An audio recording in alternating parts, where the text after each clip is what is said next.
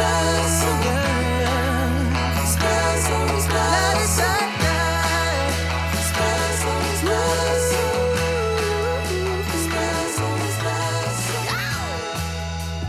Hallo, Henrik fra Ekspresso her.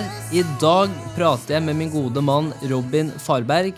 Vi møttes gjennom studiene på BI, hvor han jobbet livet av seg ved siden av og fokuserte og gikk all in på å jobbe i SATS. Vi møttes faktisk på et fag som het uh, Communication and Persuasion for Leaders med Yannick Fletcher, hvor vi lærte hvordan vi skulle diskutere, argumentere og kommunisere på engelsk, og det var jo veldig bra for en litt sånn halvdårlig ja, engelsk uttaler som meg sjæl. Men i dag så prater vi litt om eh, rett og slett overgangen til arbeidslivet. Hvordan man skal jobbe hardt, hvordan man skal fungere i team. Hvordan man skal lede både på en måte nedover, men også oppover og bortover. Lede alle retninger som går an, og få team til å fungere. Eh, vi prater også om treningsbransjen, hvor Robin ble eh, instruktør som 15-åring. Og etter han dro på utveksling eh, til USA med Den ville vesten, så skjønte han hva han skulle gjøre når han kom hjem igjen til Norge. Og han har jobbet med trening nå i Nå er det vel snart ti år, så det er vel snart tiårsjubileum. Så vi gleder oss til å prate om det. Og så prater vi selvfølgelig også om utviklingen i treningsbransjen, hvordan det siste året har vært, og hvor Robin var den 13.-14. mars, når regjeringa hadde en pressekonferanse. Da satt han nemlig i et ledermøte, og noen uker etterpå så måtte han permittere ansatte. Og det er ikke bare bare når du er 24 år og har personalansvar for 40 stykker. Da krever det litt. Så det her er en veldig spennende episode. Håper dere liker den. Hvis dere liker den veldig mye, så er det bare å gi en tilbakemelding. Legge tilbake fem stjerner. En god tilbakemelding. Konstruktive tilbakemeldinger. Vi kan alltid bli bedre. Dette er Ekspresso og Robin Farberg.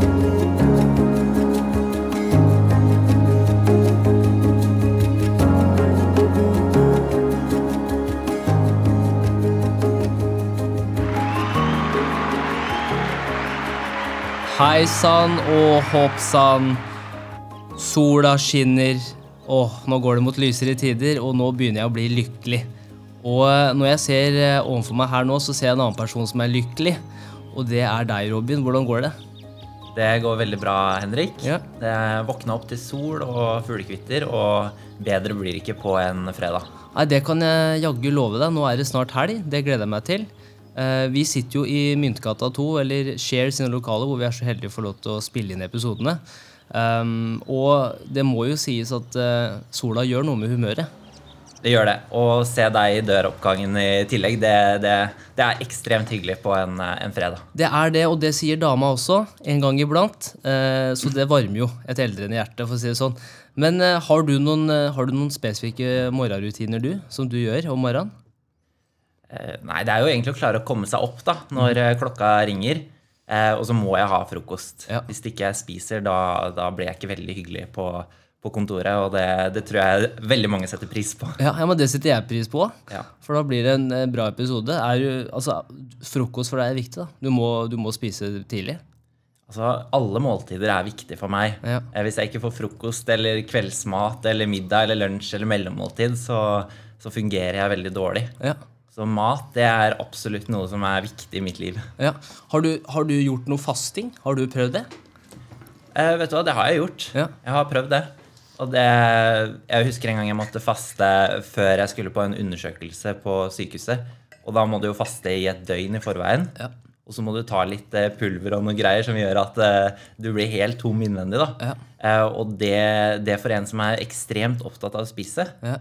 Det er ikke en veldig god kombinasjon. Nei, jeg, altså, altså, jeg hadde ikke klart det. Jeg, jeg har faktisk begynt nå at eh, nå pleier jeg ikke å spise før rundt tolv. For det, nå har jeg blitt vant til det. Men altså, man går jo rundt, og det eneste jeg tenker på, er mat hele tida. Så det er jo det er jo utfordrende for oss som er glad i, glad i mat, for å si det sånn, og liker å ete. Men eh, selvfølgelig fokuset i dag skal ikke være på mat og, og fasting. Eh, men jeg tenkte i dag så skal vi prate litt om både i forhold til eh, livet som student, eh, balanse mellom det å være student og komme ut i arbeidslivet. Måte, hvordan klarer man å holde den balansen en gang når man først er student? Eh, selvfølgelig, Vi møttes jo også når vi studerte, eh, i et fag som het eh, Communication and Persuasion for Leaders, eller noe sånt, med Yannick Fletcher, og det var jo også en veldig interessant opplevelse som vi skal komme tilbake til. Um, og så er du rett og slett også i forhold til at du har jobba som leder uh, i SATS. I, nå har du jo også jobba i SATS i en god del år og, og fått noen erfaringer der. Eh, og selvfølgelig også på en måte utfordringene som har ført med det siste året, og litt hvordan det går framover også. Høres det bra ut? Det høres eh, veldig hyggelig ut. Ja, men så bra. Jeg gleder meg. Så bra. Da, det tenker jeg det første som vi alltid gjør på denne podkasten er jo rett og slett å bli litt kjent med personen vi prater med. Og kan ikke du fort ta oss igjennom altså oppveksten? Altså hva slags, hva slags tanker og ambisjoner hadde du da? Hvordan vil du beskrive Robin eh, som en 13-åring? 14-åring? Eh, oppveksten den foregikk for det meste i Ski. Eh, 30 minutter utafor Oslo. Den eh, var prega av mye ishockeytreninger og turneringer. Jeg har spilt ishockey i mange år. Eh, og den var prega av eh, mye usikkerhet, på, både på meg selv og hvor jeg skal, og, eh, og, hvordan man vil takle det å bli voksen, som jeg tror veldig mange opplever. Ja. Eh, men eh, rundt 13-14-årsalderen så tenkte jeg alltid at jeg hadde lyst til å oppnå eh, noe mer. jeg visste ikke hva det var. Eh, men det måtte være et eller annet som krever kreativitet, eh, krever energi og, og krever eh, å jobbe med andre. Mm. Jeg har nok alltid vært veldig ensom, eller en litt sånn ikke den som har mest venner og sånne ting. Så jeg tror jeg alltid trivdes med det å jobbe i grupper eller jobbe i team. da, mm. Og få den lagfølelsen som jeg også fikk på ishockeybanen. Ja. Så det har vært Det var vel egentlig Robin 13-14 år. Det var vel mm. der vi var. Ja. ja. Det, også, du nevner jo noe som er, jeg føler også er veldig viktig. da, Og i den tida der, også 13-14 år Jeg husker det selv også, det med usikkerhet. Det å føle at man passer inn. og, og liksom, eh, Du veit jo hvordan det er på liksom, ungdomsskolen. og du skal, måte, du skal ha best karakterer, du skal være kulest, du skal være flinkest i idrett. Du skal være mest populær blant jentene eller altså guttene. Eller, skjønner du mener? Det er så mye sånne ting som på en måte forventes av deg. Og, og det er veldig vanskelig å finne seg selv i en sånn prosess. Um, så på en måte, hva var det som kjennetegnet da gjennom ishockey også? Hvordan var det det på en måte, hvordan, ja, hvordan var ishockey for deg, rett og slett? Eh, ishockey for meg, det var et, eh, et sånt love-hate relationship. Fordi eh, før hver eneste sesong så var jeg veldig usikker på om jeg skulle fortsette et år til. Eh, men alltid når jeg kom i gang, og, og det, det, vi hadde på, på laget mitt, det var eh, veldig Det ga meg veldig mye livsglede, da. Eh, I en periode av livet mitt der jeg ellers eh, var veldig usikker på meg selv og kanskje i hverdagen på skolen og sånn ikke hadde så veldig mange venner. Mm. Og da var det fint å komme på ishockeyen der man samla folk fra forskjellige steder da, i nærområdet og spilte. Mm. Så, så, det har betydd mye for meg, ser jeg nå i ettertid. da. Mm. Jeg kan jo tenke meg det med, med lagidrett også, i forhold til, ikke sant, som du mener. da, så Man møter jo folk fra forskjellige bakgrunner, og på en måte, når man kommer på trening, så er det for å løse den problemstillingen man har sammen. da. Hva, hva, tror du, hva, tror du, vil være forskjellen hvis man ikke hadde vært på lagidrett gjennom en oppvekst, da, for eksempel, kontra eh, som er veldig interessant for med individuelle idretter, sånn som ski, sykling, hvor man ikke har den samme teamfølelsen, kanskje? Har du tenkt på det? Uh, ja, og det er jo litt sånn som egentlig faren min har vært veldig opptatt uh, av hele tiden med meg og søsteren min. Vi har begge spilt ishockey, og det med å få spilleforståelse Det tok det lang tid før vi begge skjønte hva var, og det tror jeg veldig mange, eller nesten alle barn, sliter med begrepet spilleforståelse, fordi det handler jo om samarbeid, og det handler om å se luker eller muligheter. Mm. Eh, og hvis man ikke har lært det via idretten, så tenker jeg at det er viktig at man lærer det via en, via en annen arena. Eh, for det er så elementært eh, i det voksne livet, enten det er arbeidslivet eller privatlivet, at man har forstått hva samarbeid og spilleforståelse er, til en viss grad. Ja. Har det vært noen direkte links på en måte for deg gjennom idretten, og hvordan du har sett deg selv i Altså Gjennom studiene, men også arbeidslivet? Altså Bare det med lagrett og hvordan få folk til å fungere?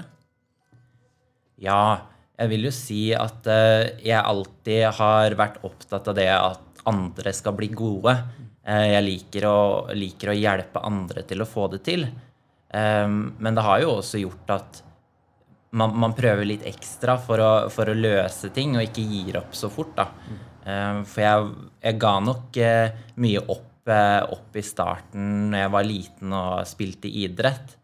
Eh, men det å, å lære at eh, hvis du gjør den mange nok ganger, så blir du god, eh, og da får man det til. Ja, ja det syns jeg er kjempebra refleksjon. Og også, som jeg også tenker på i forhold til det med Man snakker jo det med oppvekst og, og oppdragelse og sånn. Eh, Jeg har jo ikke barn sjøl, så jeg kan jo ikke si dette 100% men eh, litt sånn i forhold til den balansen mellom å få medalje for å delta, kontra på en måte medalje for å faktisk vinne. da.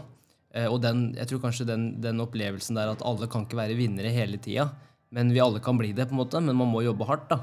Jeg tror det er noe som veldig mange barn kan, kan, eh, kan vokse veldig mye på. da, At eh, du må ikke alltid være best for å gjøre det bra. på en måte, at det, Noe handler jo også i forhold til om prosessen eh, for å komme seg dit, rett og slett. Um, men du nevnte jo i forhold til ambisjoner og sånn gjennom den tiden. hva Hadde du satt deg ut noen spesifikke retninger og tanker, industrier, eller hva enn du hadde lyst til å gjøre? Eller var det litt mer sånn jeg skal bare jobbe hardt, jeg skal få det til uansett hva det er? Jeg, jeg må jo si at eh, som ung så tenkte man at eh, fy fader, jeg skal bli så Er det lov å banne, egentlig? Fy faen, det Ja. er lov. Eh, jeg, jeg, skal bli, jeg skal bli skikkelig rik. Mm. Jeg skal ikke bare bli litt rik, men jeg skal bli skikkelig rik. For vi hadde i oppveksten Jeg har veldig unge foreldre, så vi hadde egentlig aldri noe særlig god råd. Eh, Og, eh, og jeg tenkte at jeg, jeg visste ikke helt hva det var da, å være eh, ha råd til å bare kunne kose seg i hverdagen og, og kunne ha det komfortabelt. da. Jeg tenkte at det var ikke noe mellomting fra det å ha dårlig råd til å eh, ha veldig god råd. Så fokuset var vel egentlig mer på å finne noe jeg kunne bli rik på. Men jeg skjønte jo veldig fort Eh, også ettersom foreldrene mine òg ble eldre og, og vi fikk bedre råd, så skjønte jeg at eh, livet handler mer om å finne noe man liker å gjøre, eh, samtidig som man klarer å få inn eh, pengene hver uke eller hver måned til å betale regningene. Da. Ja, Det der er interessant i forhold til at måte, ting koster jo penger. Og den valutaen vi er i i samfunnet i dag, så er det på en måte man får ikke gjort noe uten penger. Og jeg tror ikke vi kanskje så ofte prater om at på en måte penger kan være en, på en, måte en variabel for å lykkes. Eller, vi snakker jo om at selvfølgelig når vi snakker om suksess, så tenker man alltid på de som har mest penger eller størst garasje eller den fineste bilen. Men altså, jeg tror ikke det er noe feil å bli motivert av penger. Jeg tror det faktisk kan være kjempelurt. da. Uh, og for veldig mange så funker det som en veldig bra driver uh, gjennom karrieren også. Uh, på en måte den, de ambisjonene og hva som kommer etterpå. da. Um, men altså det å hva skal man si, altså det å lykkes, da um, Da ser man jo også at for deg så har jo trening har jo vært en veldig viktig del gjennom hele oppveksten. Um, hadde du også satt deg ut noen ambisjoner innenfor treninga òg? Altså, ishockey er jo en av de tingene, men hadde du satt deg ut noen mål du hadde innenfor treninga også? Eller idretten? Um, jeg har vel egentlig aldri satt meg noen mål. For meg så har det handla mer om å uh, gjennomføre og få det til. Uh, jeg har uh, alltid, alltid tenkt at eh, det viktigste er at eh, jeg er her og nå. Eh, og, og så kommer de, kommer de resultatene av seg selv. Eh, men det å bli best, det har aldri vært målet mitt eh, når det kommer til idrett. Og når kom, eh, når kom tanken om på en måte karriereliv og, og, og på en måte karriere etter studiene også? Når kom de tankene? tankene om karriere og sånn har vel som sagt på en måte alltid vært der. Det begynte jo at jeg klipte plenene til naboene hver uke som som tolvåring. Eh, men jeg har jo alltid vært opptatt av å jobbe. Jeg har vært opptatt av å tjene mine egne penger. Og, og da har det vært en glidende overgang eh, fra jeg eh, begynte på treningssenter som 14-åring, eh, og ble senere, et år senere, så ble jeg instruktør og begynte å ha gruppetimer. Og det fortsatte jeg egentlig med gjennom videregående og, og utdanning. Eh, samtidig som at mulighetene kom. Ja. Eh, det var ikke noen spesiell plan. Nei. Også det der med å være, bli instruktør som 15-åring. Altså, For meg så er det Jeg syns det er sjukt imponerende. Altså, på en måte Samboeren min også, en felles venn av oss, holdt jeg på å si. Amanda ja, hun er en venn av meg òg. Men hun har jo også vært instruktør, og jeg har vært med noen av, på noen av timene hennes. Og da Altså, jeg blir mektig imponert å stå der foran folk og gjøre ting så synkront. Altså, jeg tror jeg har en god motorikk, men det er ganske tydelig at jeg ikke har det når vi begynner med alle disse bevegelsene og sånn. Jeg har ikke sjans, men når du da er 15 år og går inn og du skal stå foran en haug med la oss si 40 pluss da, mennesker, altså hvordan er det å skal ta salen med storm? Ja, og, og 40 pluss som regel damer, selv om det er veldig mange menn Kanskje som har ikke så ille, begynt, eh, Nei. Eh, men, men det er jo noe med det å eh, At jeg aldri har vært redd for å, å gå på en scene, enten det er eh, via en revy eller skuespill eller hva det er. Så har jeg aldri vært redd for å gå på scenen. Eh, og, og jeg føler aldri på det heller når jeg går og har en gruppetime. Og jeg tror det var det som gjorde at det funka for meg, at ikke nervene tok overhånd. Eh, og, og hvis man klarer da å konsentrere på det man skal gjøre, så får man, eh, får man det greit til. Ja. ja det, altså ja, jeg, synes, jeg, jeg bare syns det er mektig imponerende. Og du ser også denne måten å skape engasjement på. For vel, som man kan se på, det, For meg så virker det også Det er jo veldig sånn Det er jo en opptreden også. Det handler jo veldig om å få med seg menneskene i rommet. ikke sant? Å få de til å virkelig tørre også å, og bjuda på. da, og, og gjøre de øvelsene. Så det er jo en utrolig bra egenskap å ta med seg videre. I, ikke bare i arbeidslivet, men altså i livet generelt. Da, den evnen til å kommunisere og skape engasjement. Og det er du jo utrolig dyktig på. Så jeg ser jo at du har masse erfaring eh, fra det, Robin, for å, for å si det sånn. Um, men du, du nevnte jo også i forhold til det med foreldrene dine at de også har lært deg viktigheten av hardt arbeid og viktigheten av å fullføre ting. Vi har prata om det før også, at man må jobbe for ting, og ting kommer ikke gratis. Um, hva, hva vil du si, hva slags rolle har på en måte foreldrene spilt i å utvikle deg også som person? Da? For det høres ut som de har hatt veldig mye gode innspill eh, gjennom oppveksten. Det har de absolutt. Eh, Foreldrene mine er mine beste venner, og det har de alltid vært. Eh, Og, og det har nok gjort at vi, vi har blitt en veldig close eh, familie. En liten familie, men veldig tette. Eh, Og det at vi har vært såpass ærlige med hverandre, og de har vært såpass ærlige med oss barna om ting, og ikke, ikke skjerma oss så mye, men latt oss eh, få oppleve ting da, og lære på egen hånd, det har vært eh, ekstremt viktig. Eh, Selv om det har vært mange kamper rundt middagsbordet eller når man sitter og gjør lekser og sånn i oppveksten.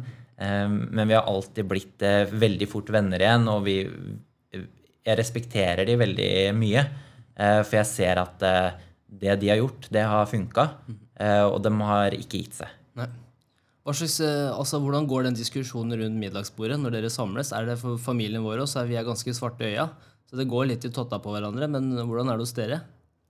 Ja, det er jo eh, det er jo sånn eh, at sånn, I likhet med samboeren min, så har jeg også en mormor som er fra nord. Og, og det er nordlandsk blod, og, blod, og det er det, det går hardt for seg. Men det er jo sånn det er med gode venner, at man kan eh, krangle så bysta fyker, og så, og så er man venner igjen rett etterpå. Ja. Um, men det er fordi at man har så passion og man har så lidenskap rundt de tingene man prater om. Uh, og hvis man ikke er enig og har passion, uh, så må man få utløp et sted, og det, det kan man gjøre hjemme hos oss. Ja. ja, men da kanskje jeg skal komme på middagsbesøk. Du er Så, velkommen. ja, men da skal jeg ta turen, jeg. Det tror jeg blir hyggelig. Og og så også ha besteforeldre fra Nord-Norge. Jeg tror også det er jo en sjarm. Det eh, det, det gjør det lille ekstra, det også, for å si det sånn. Men på en måte når, når det siste året på, på videregående kommer også, da, da er det jo litt ikke sant, det med usikkerhet. Er jo noe som veldig mange tar med seg gjennom hele videregående også. Eller kanskje videregående er da man begynner å bli mer moden og man blir litt tryggere på seg selv. Og for gutter så er det som regel at puberteten kommer, ikke sant. Men det siste året, hva hadde du satt deg ut av? For da senere så møttes jo vi på, på BI, og det var jo økonomi. Eh, men hva slags tanker hadde du da, det året? Eller det siste året, før du skulle ut i krigen, holdt jeg på å si? Ja. Eh, året før så var jeg på utveksling et år i USA, eh, og fant vel ut at jeg er veldig glad i Norge, og, og fant ut at eh, vi har det veldig bra her i Norge. Så jeg tenkte at eh, når jeg kommer hjem, da nå må jeg gjøre noe. Nå må jeg, nå må jeg skape meg et nettverk, og så må jeg eh, tørre å være meg selv, ikke minst. Eh, jeg kom ut av skapet i eh, tredje videregående eh, og begynte å akseptere hvem jeg var, som jeg tror har lagt en sperre på min utvikling da, veldig, i veldig mange år. Og når jeg gjorde det og så at folk de liker meg jo uansett, de, de bryr seg ikke om det, så fikk jeg mye selvtillit til å tørre å gå videre og tørre å ha enda høyere ambisjoner. Um, og det, det er jeg veldig stolt av i dag, for uten den delen eh, så hadde jeg nok kanskje aldri møtt deg på BI. Eh, for da var jeg litt sånn Hva skal jeg egentlig gjøre? Um, men så fant jeg bare meg sjæl i løpet av siste året på videregående, og det, ja, det tok meg videre til, til BI, da, som vi har gått på sammen. Mm. Og det, For du var jo også i USA, var det ikke det? Var det der du var på utveksling? Det stemmer. Ja. Jeg var i eh, Casper, Wyoming, midt i Vesten, Ja. eh, sammen med alle cowboyene. Hvordan var, det, altså, hvordan var det første møtet? Som var på en måte andre året på videregående. Og det er jeg, som jeg har nevnt flere ganger gjennom podkasten, jeg også angrer jo veldig på at jeg ikke jeg dro på utveksling da jeg gikk på videregående. For jeg tror jeg kunne ha lært utrolig mye og fått en mye større, måte, mye større perspektiv på ting tidligere. da. Eh, Men hvordan var det første møtet med Var det første gang du var i USA? når du var der? Nei, det var det ikke. Jeg hadde vært i USA eh, året før. Eh, vi hadde vært i New York og Florida og, og sett litt av det eh, i turismen, da. Jeg hadde ikke sett så mye av hverdagslivet i USA og hvordan det er ute i the suburbs, eh, som det heter, og i de små byene. Eh, så mitt syn på USA var ganske annerledes før jeg dro. Så kom jeg dit, og så skjønte jeg at eh, eh, nå er jeg kommet til bondelandet. Det er jeg på en måte vant til fra Norge, men her var det i så mye større skala. Det var eh, jenter på 1,50 som kom ut av pickup trucks som var så store som hus. Eh, og det var eh, alle gikk i cowboyboots. Og eh, jeg følte meg litt malplassert. Jeg gjorde det når du kommer fra, fra Norge, som ligger i en Du kan kalle det en annen tidsepoke da, når det kommer til eh, oppførsel og stil og sånne ting. For Du nevnte jo det med at vi er veldig heldige som bor i Norge og setter pris på ting. Eh, og altså Det tenker jeg på nesten hver dag nå, er i forhold til og gjennom måte, pandemien nå, det siste året. altså Du har jo alltid folk som klager på hvordan regjeringa har gjort ting. Men hvis du ser i det store bildet, så det virker som Norge kommer seg alltid ut på topp. I forhold til både hvordan altså, innbyggerne har det, og på en måte velferd og det ene og det andre. Um, så jeg vil bare si at jeg er helt enig med deg og det der å virkelig sette pris på at vi får lov til å bo i et land som Norge. da. Eh, jeg tror det er veldig fort gjort å ta det for gitt, um, for å si det sånn. Men det jeg også ville høre litt om, er jo i forhold til det siste året. da. Og, det føler jeg også er veldig viktig. eh, og kanskje også et vendepunkt for deg også, da du på en måte kommer ut. Hvordan, måte, hvordan var den opplevelsen for deg? For jeg tror veldig mange kan sikkert lære av det også. Som på en måte sitter med det inne. da. Hvordan var det for deg? Ja, og det var jo et eh, vendepunkt som jeg har lurt på om eh, de fleste mennesker opplever i løpet av livet. Enten det er å eh, finne ut hvilken legning man har, eller eh, hvordan person man ønsker å være, eller hvilken karriere man ønsker å være i. Eh, og den kommer på forskjellige tidspunkter. Eh, men det viktigste sånn for min del, det er å forsørge meg om at de rundt meg i hvert fall er veldig trygge på det at legning, det, det er naturlig, og det er noe som er individuelt. Eh, vite det at eh, i hvert fall her i Norge så er de fleste veldig, veldig eh, ok med at folk skal få være som de er. Um, og det er jo eh, viktig at man vet at eh, alle er ikke ok med det. Eh, men det handler ikke om deg. Det handler om de, og det handler om dems liv. Eh, og du skal kun leve dette livet, mest sannsynlig, vi vet ikke. Eh, og da må du leve det for deg. Eh, og så følger de naturlig støttespillerne med når du begynner å leve for deg selv, og ikke for alle andre. Ja.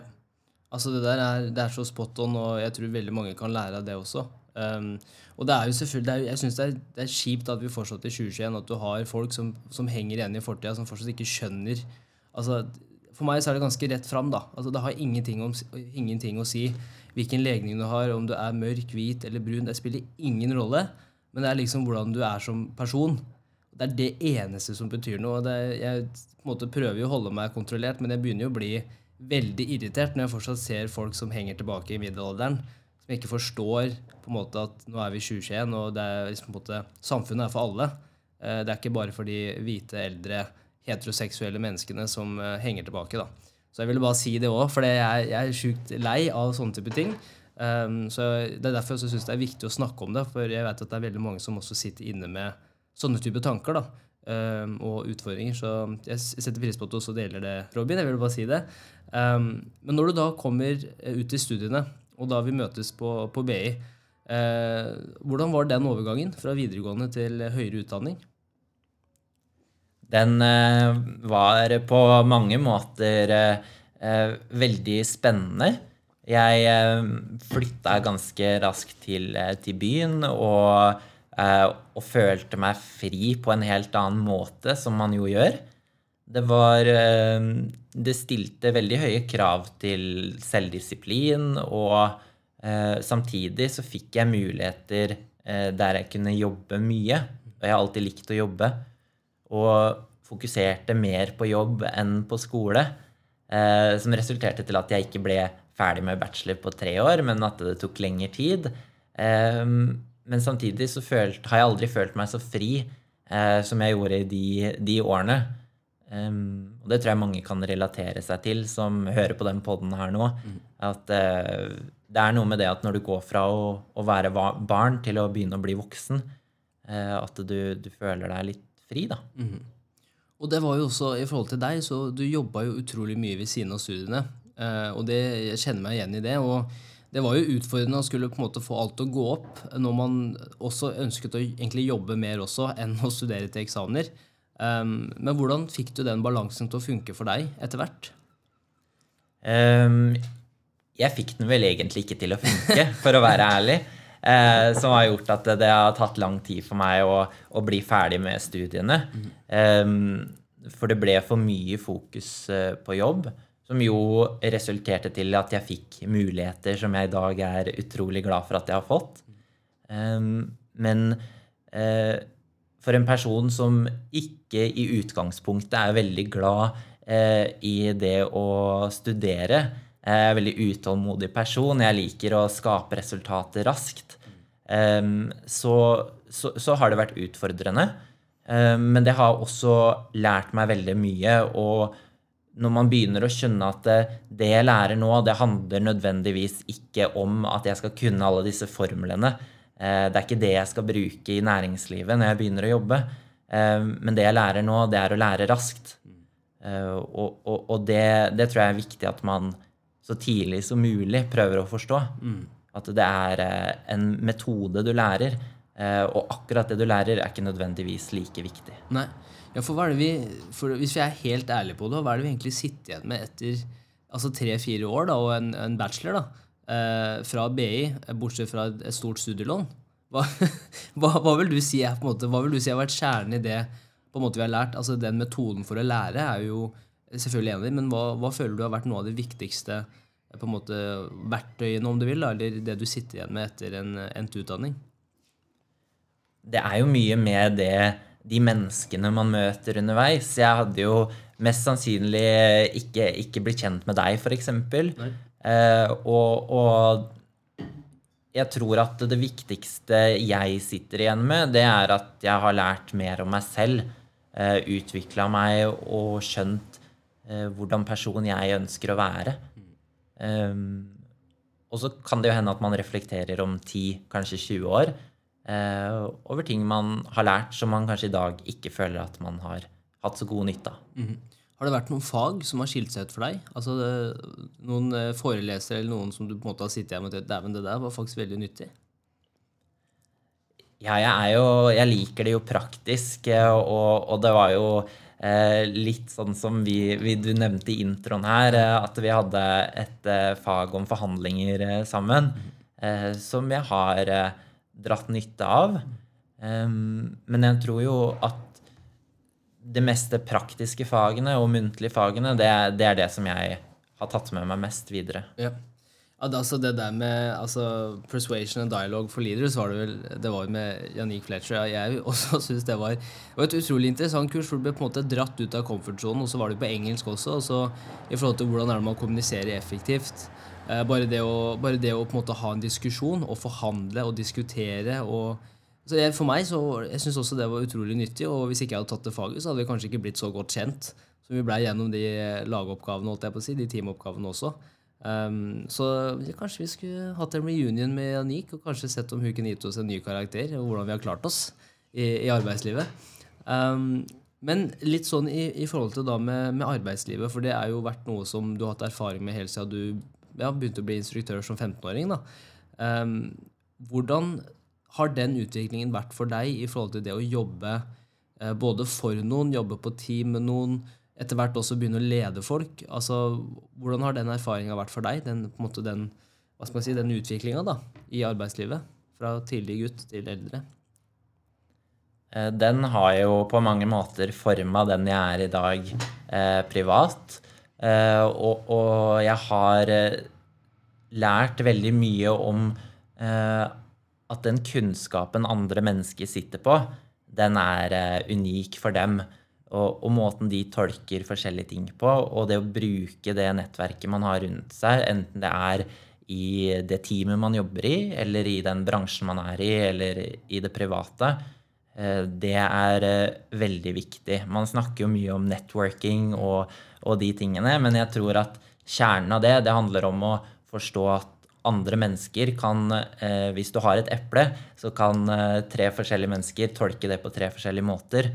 Og, og, det er noe av det viktigste jeg har dratt med meg inn i arbeidslivet. Ja, ja det er jo kanskje den, den hva skal man si, den, den kontorpolitikken da, som jeg tror ikke man, man lærer ikke så mye om det gjennom studiene. I hvert fall ikke gjennom altså, videregående og høyere utdanning. Eh, for det er også noe jeg tror kan være lurt for, for din del òg, at du har hatt den arbeidserfaringa siden du var så ung. Fordi at du allerede forstått fra tidlig da, av at mennesker er forskjellige, mennesker fungerer forskjellig, de liker å bli kommunisert til forskjellig. Eh, jeg, tror, jeg tror kanskje noen får litt sånn slag i trynet når de kommer ut i arbeidslivet, og så finner de at man, man ikke er verdens navle. Og man er ikke lenger et midtpunkt, men man skal være en enhet sammen i et team da, og få andre til å fungere. Men har det vært noen eksempler hvor du har sett det her i praksis? Hvor du har sett liksom at dæven, nå har vi utfordringer med å forstå hverandre, vi klarer ikke helt å få teamet til å fungere osv. Har det vært noen eksempler på det? Det har det absolutt eh, vært. Jeg fikk jo tilbud om min første lederstilling som 22-åring. Eh, og når man er 22 år, da er man ikke voksen. Man tror det selv, eh, men man, jo, man har mye å lære. Og jeg fikk noen slag i trynet i, starten, der hvor jeg tenkte at dette er strategien, dette er måten vi skal implementere på, og det skal bare funke. Og så var det nok litt vanskelig for meg å stå, forstå hvorfor det ikke funka for alle. hvorfor jeg ikke fikk med meg alle. Og noen ganger så gikk jeg for hardt ut, og da funka det ikke i det hele tatt. Og da fikk jeg en veldig sånn tydelig beskjed av min leder at eh, eh, nå må vi bare sette oss ned i fem minutter, og så må vi ta to skritt tilbake. Eh, og da lærte jeg litt det at eh, det å sitte på hendene sine i fem minutter eller i et døgn før man går videre for å implementere noe eller for å løse en problemløsning, eh, det er i veldig mange tilfeller lurt. Mm. Ja, for det altså, bli leder som 22-åring også, jeg kan jo tenke meg at det er også man, man, har jo noen tanker. Man tenker at ok, dæven, nå skal jeg begynne å lede andre også. Og, og særlig også, kanskje da kan jeg tenke på at du også skulle begynne å lede eldre folk. Gjorde du det også? Ja, jeg hadde jo et eh, team på litt over 40 stykker, mm. eh, som er mange. Og jeg var deres eh, altså direkte leder, da. Og, og, de fleste var eldre enn meg. Eh, og det vil jo De tenker jo at de har mer kunnskap enn meg, og det, det har de jo også. Mm. Eh, og da må man prøve å sette eh, tydelige retningslinjer for et samarbeid, men også gradvis lære av hverandre. Det nytter ikke å, å være der man vil være på dag én. Det, det tar lang tid. Ja. Men altså, for, nå blir det jo flere som oss da, i, i vår generasjon, altså millenniumsgenerasjonen, som er på vei opp og fram i mellomlederstillinger og topplederstillinger og beslutningsstillinger også. og hva er, det, hva er det vi, eller vår generasjon, bør være bevisst på da, når det kommer til å jobbe, men også da selvfølgelig lede eldre mennesker? For jeg tror ikke det er mange som snakker høyt om det, men det er jo også Vi kommer jo fra forskjellige generasjoner, og hva har vært din erfaring i forhold til å jobbe bedre med da, de som har vært der før? Vært der over en lengre periode? Eh, for meg som kommer fra en yngre generasjon, Eh, så jeg er jo ikke født med en iPad i henda, sånn som våre barn eh, mhm. mest sannsynlig vil bli. Men vi, er, vi, er, vi har mye mer kunnskap om det teknologiske. Og, og, der er nok de største utfordringene jeg har hatt i mine team, det er å få alle med. For det, det skjer veldig fort, og, og, hverdagen kan til tider virke veldig hybrid. og, og det å få folk Eh, inn i systemer og, få de til å skjønne hvordan man skal skape en effektiv workflow eh, på arbeidsplassen. Eh, Det har vært mine største utfordringer. Det å eh, få de til å høre på meg har vært mindre utfordrende.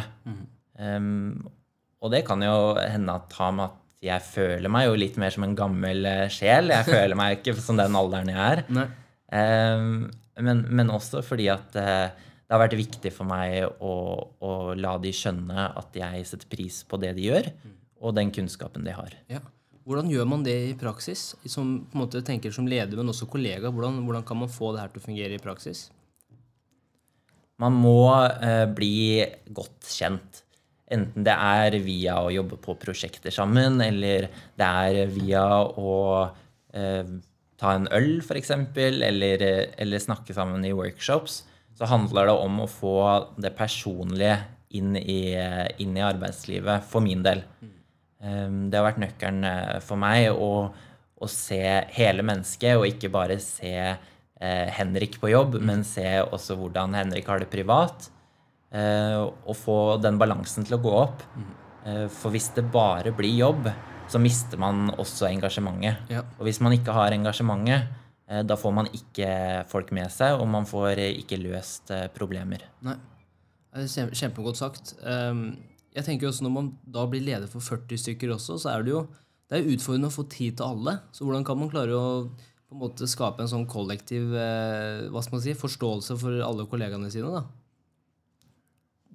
Det handler om eh, retningslinjer eh, i bunn og grunn eh, i, i selskapet. At man, man kjenner til eh, kjerneverdiene og hvorfor man gjør det man gjør.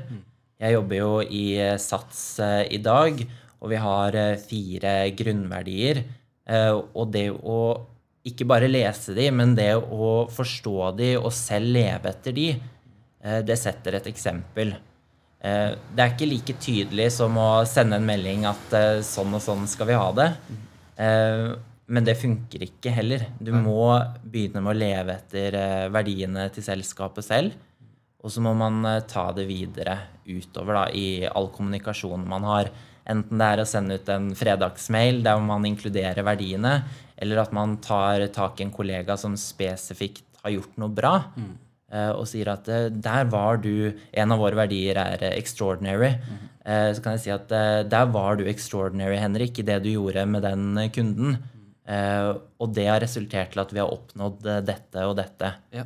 Så det å, å ta eksempler og, og verdsette de for eh, det de gjør, da. Hva er, hva er alle verdiene?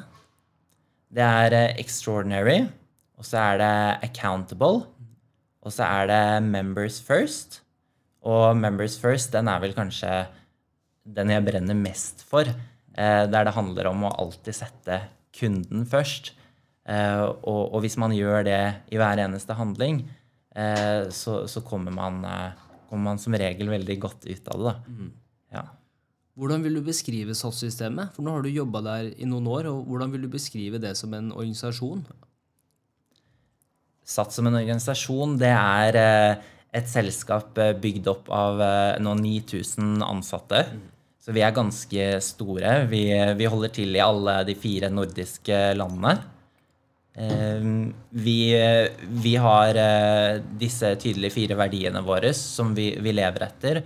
Og vi har eh, over eh, ja, Nå har jeg ikke akkurat tallet i huet, men det er nærmere 500 000 medlemmer. Eh, og disse medlemmene er jo våre kunder. Um, så, så det å få, få hele det her maskineriet til å, å kontinuerlig rulle og gå, og, og få implementert alle strategier helt ut til linjen, det er noe vi er veldig gode på. Og det er det som også har gjort at vi har bygd eh, en så stor medlemsbase som vi har i dag. Ja, det har jo vært helt sjukt å se på den utviklingen også. Eh, altså Fra tidlig, eh, tidlig treningssenter i Stavanger var det vel, til nå har blitt eh, hele Norden. Um, men altså, det er litt interessant i forhold til Nå har vi jo vært litt over et år med pandemi. Og husker du hvor du var den 13.-14. mars, når eh, regjeringen hadde den første pressekonferansen i fjor? Husker du hvor du var da? Ja, da, da satt jeg i et ledermøte, eh, og vi satt egentlig og tenkte at eh, nå det var jo, De hadde jo en pressekonferanse der hvor de stengte ned Norge. Eh, og da hadde vi allerede stengt. Eh, vår eh, konsernledergruppe hadde et møte dagen før eh, der hvor de vurderte skal vi stenge, skal vi ikke stenge, er dette forsvarlig. Eh, og så konkluderte de med at de ikke skulle stenge ned Sats. Og så eh, dagen etter, altså på morgenen etter klokka syv, så hadde de et nytt ledermøte der de bestemte at vi stenger. Ja. Uh, og da fikk jo vi, uh, eh, vi en vår beskjed om at vi må permittere alle ansatte. Uh, og permitterte da alle våre ansatte ute på alle sentrene, eh, og også på hovedkontoret. Eh, så det var det vi holdt på med den dagen. Eh, Så for oss så, så traff, det, traf det noen timer før. Ja. Hva slags tanker hadde du gjort deg opp når du så den pressekonferansen og du satt i det ledermøtet? Tenkte du at det her er noe som Ok, vi gir det en måned, vi gir det litt tid, og så er vi tilbake i full drift? For selv så, Jeg var jo i England, og når på en måte samboeren Amanda ringte meg, og, og jeg hørte, det, så tenkte jeg, når hun sa ja, du må komme deg hjem nå tenkte jeg, men ok, Så jeg pakker en liten bag, og så er jeg tilbake her om en uke. Så, så naiv var jeg. Men hva, hva var dine tanker? Det var nok litt eh, annen stemning i Norge, kanskje. Eh, vi, vi tenkte at nå, nå eh, vet vi ikke hva dette viruset er. Og vi vet ikke hvor lenge det kommer til å vare. Men det er, eh, det er krise, da. Og det er krisehåndtering vi holder på med. Um, så for meg så, så var det uvisst. Og det var en følelse jeg aldri hadde kjent på tidligere. Um, og da å skulle være eh, trygg og være den støttepersonen som folk eh, går til, eh, det var utfordrende. Um, men også helt naturlig. Ja. For du, for du, du Når du har en personalgruppe, så, så blir det som dine egne barn. I hvert fall i, i Sats. Vi er, vi er en familie. Og det ble så naturlig at vi stilte opp for hverandre. Um, så det var litt av de følelsene jeg satt med. Ja. Men jeg tenker jo som 24-åring, da, altså på den tida, og skal permittere folk, det er jo ikke noe alle får oppleve. Jeg kan jo tenke meg at det er en utrolig eh, verdifull erfaring å ta med seg videre i arbeidslivet og livet, i forhold til hvordan faktisk ikke alltid eh, fungerer som et team når ting går bra, da, og når ting går etter planen, men også liksom å skal kunne kontrollere noe som er liksom utenfor alle sine hender, da, og man må bare liksom gjennom den prosessen. Hvordan var det for deg å liksom skulle ta de stegene og faktisk sette deg ned med eh, kollegaer og ansatte? på en måte, Nå, nå blir det permisjon, da. Det var eh, ikke noe gøy. Man eh, vet at eh, mange er helt avhengig av den inntekten de har her, eh, som er naturlig. Eh, og det å se at folk eh, som har hatt planer om forskjellige ting, at det går i vasken, og man blir veldig usikker på om man kommer til å ha råd til å betale regninger og alle de tankene som kommer, eh, det, det er ikke noe hyggelig.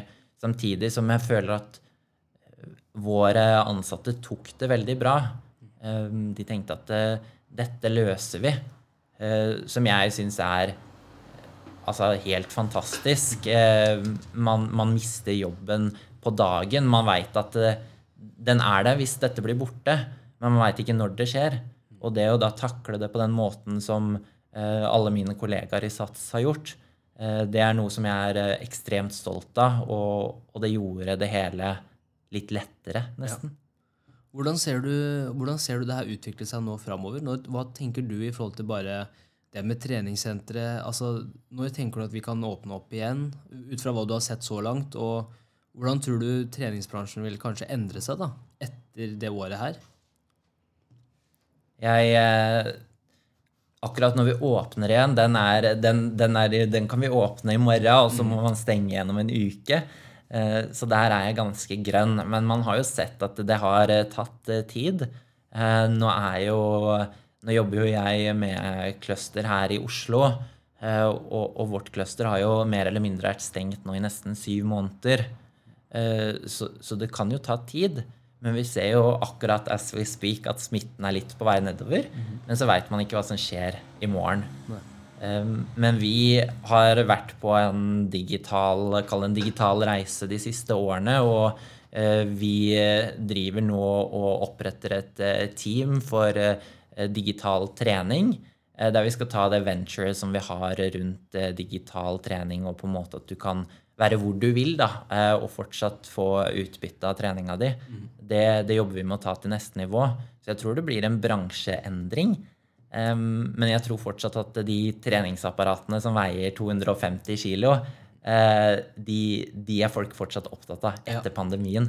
Og folk kommer tilbake, og folk er mer sultne enn noen gang før. Ja, jeg gleder meg til det. Og altså, det siste året har jeg har jo løpt mye, har jo drevet mye i Tuftepark, har jo manualer, og Amanda har jo disse strikkene sine som jeg drar i alle retninger.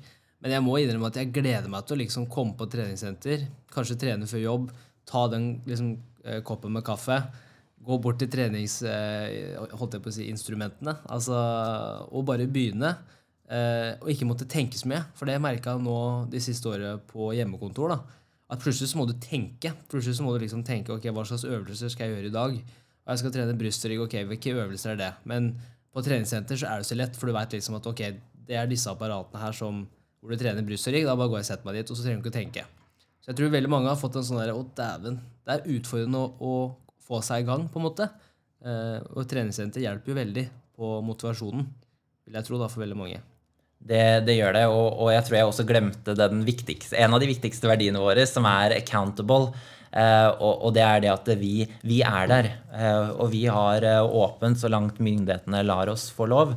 Uh, og, og, det er det som er så deilig med å komme på et treningssenter. At du, du, trenger ikke å tenke sånn som du sier. Du kan gå på en gruppetime der hvor noen uh, får deg til å yte det du ønsker den dagen. Eller du kan gå på den tredemølla, for den står der, og den funker. Uh, og det er det som er så deilig med å, å komme på et fysisk treningssenter. Nå gjennom livet så langt, Robin, før vi da runder av episoden, så vil jeg også høre litt hva Eh, hva er det du har lært gjennom livet så langt i forhold til å kjenne deg selv som person? Og hvordan er det på en måte Robin funker optimalt? Jeg kan jo tenke meg Trening er jo en av de variablene som må være på plass for at du skal funke optimalt. Men har det vært noen ting som du altså Ikke verktøy, men mer sånn erfaringer som du har skjønt at dette er viktig for at jeg skal fungere eh, i hverdagen? Det er vel litt der hvor jeg starta med at mat det er, det er viktig for meg. Det, man, man, trenger den energien for å, for å holde på eh, hele dagen. Mm -hmm. eh, og så er det viktig med struktur i arbeidshverdagen. Eh, det at man bruker de ressursene man har eh, rundt seg. Eh, og, og, at man spiller hverandre gode, for da, da blir det hele mye lettere, og da får man mye mer energi til å Eh, komme seg på den løpeturen etter jobb, f.eks., eller eh, bli med på noe sosialt. Mm. Um, ja. Hvordan har det vært å vært med her i dag? Har, har det vært gøy? Det har vært veldig gøy. Mhm. Det, jeg føler jeg er på en slags psykologtime yes. med, med, Henrik. og det har vært gøy å få prate litt om treningsbransjen og, og hvem jeg er. Og så få slått av en time med deg. For det, det, er ikke ofte man får til nå når det er korona. Nei, nå må jeg bare bruke det som en unnskyldning for å catche up. Så det, det, var utrolig gøy at du kunne ta turen i dag, og kjempegøy å høre at ting går bra. Eh, og igjen, jeg er også veldig glad for at du fant deg sjæl det tredje året, så at du begynte å studere. Eh, for ellers hadde ikke vi møttes. Eh, og det har vært kjempegøy alt det vi har gjort så langt, og jeg gleder meg til alt det moro vi skal finne på framover også. Det, det gjør jeg også. Det blir eh, veldig hyggelig, og det er veldig spennende å følge med på hva som skjer også med, med Henrik og, og, denne fantastiske podkasten. Vi må jo bare fortsette å vokse da. Det, det, må vi. Eh, litt, litt, og spre det videre. Herlig. Tusen takk, Robin. Takk skal du ha.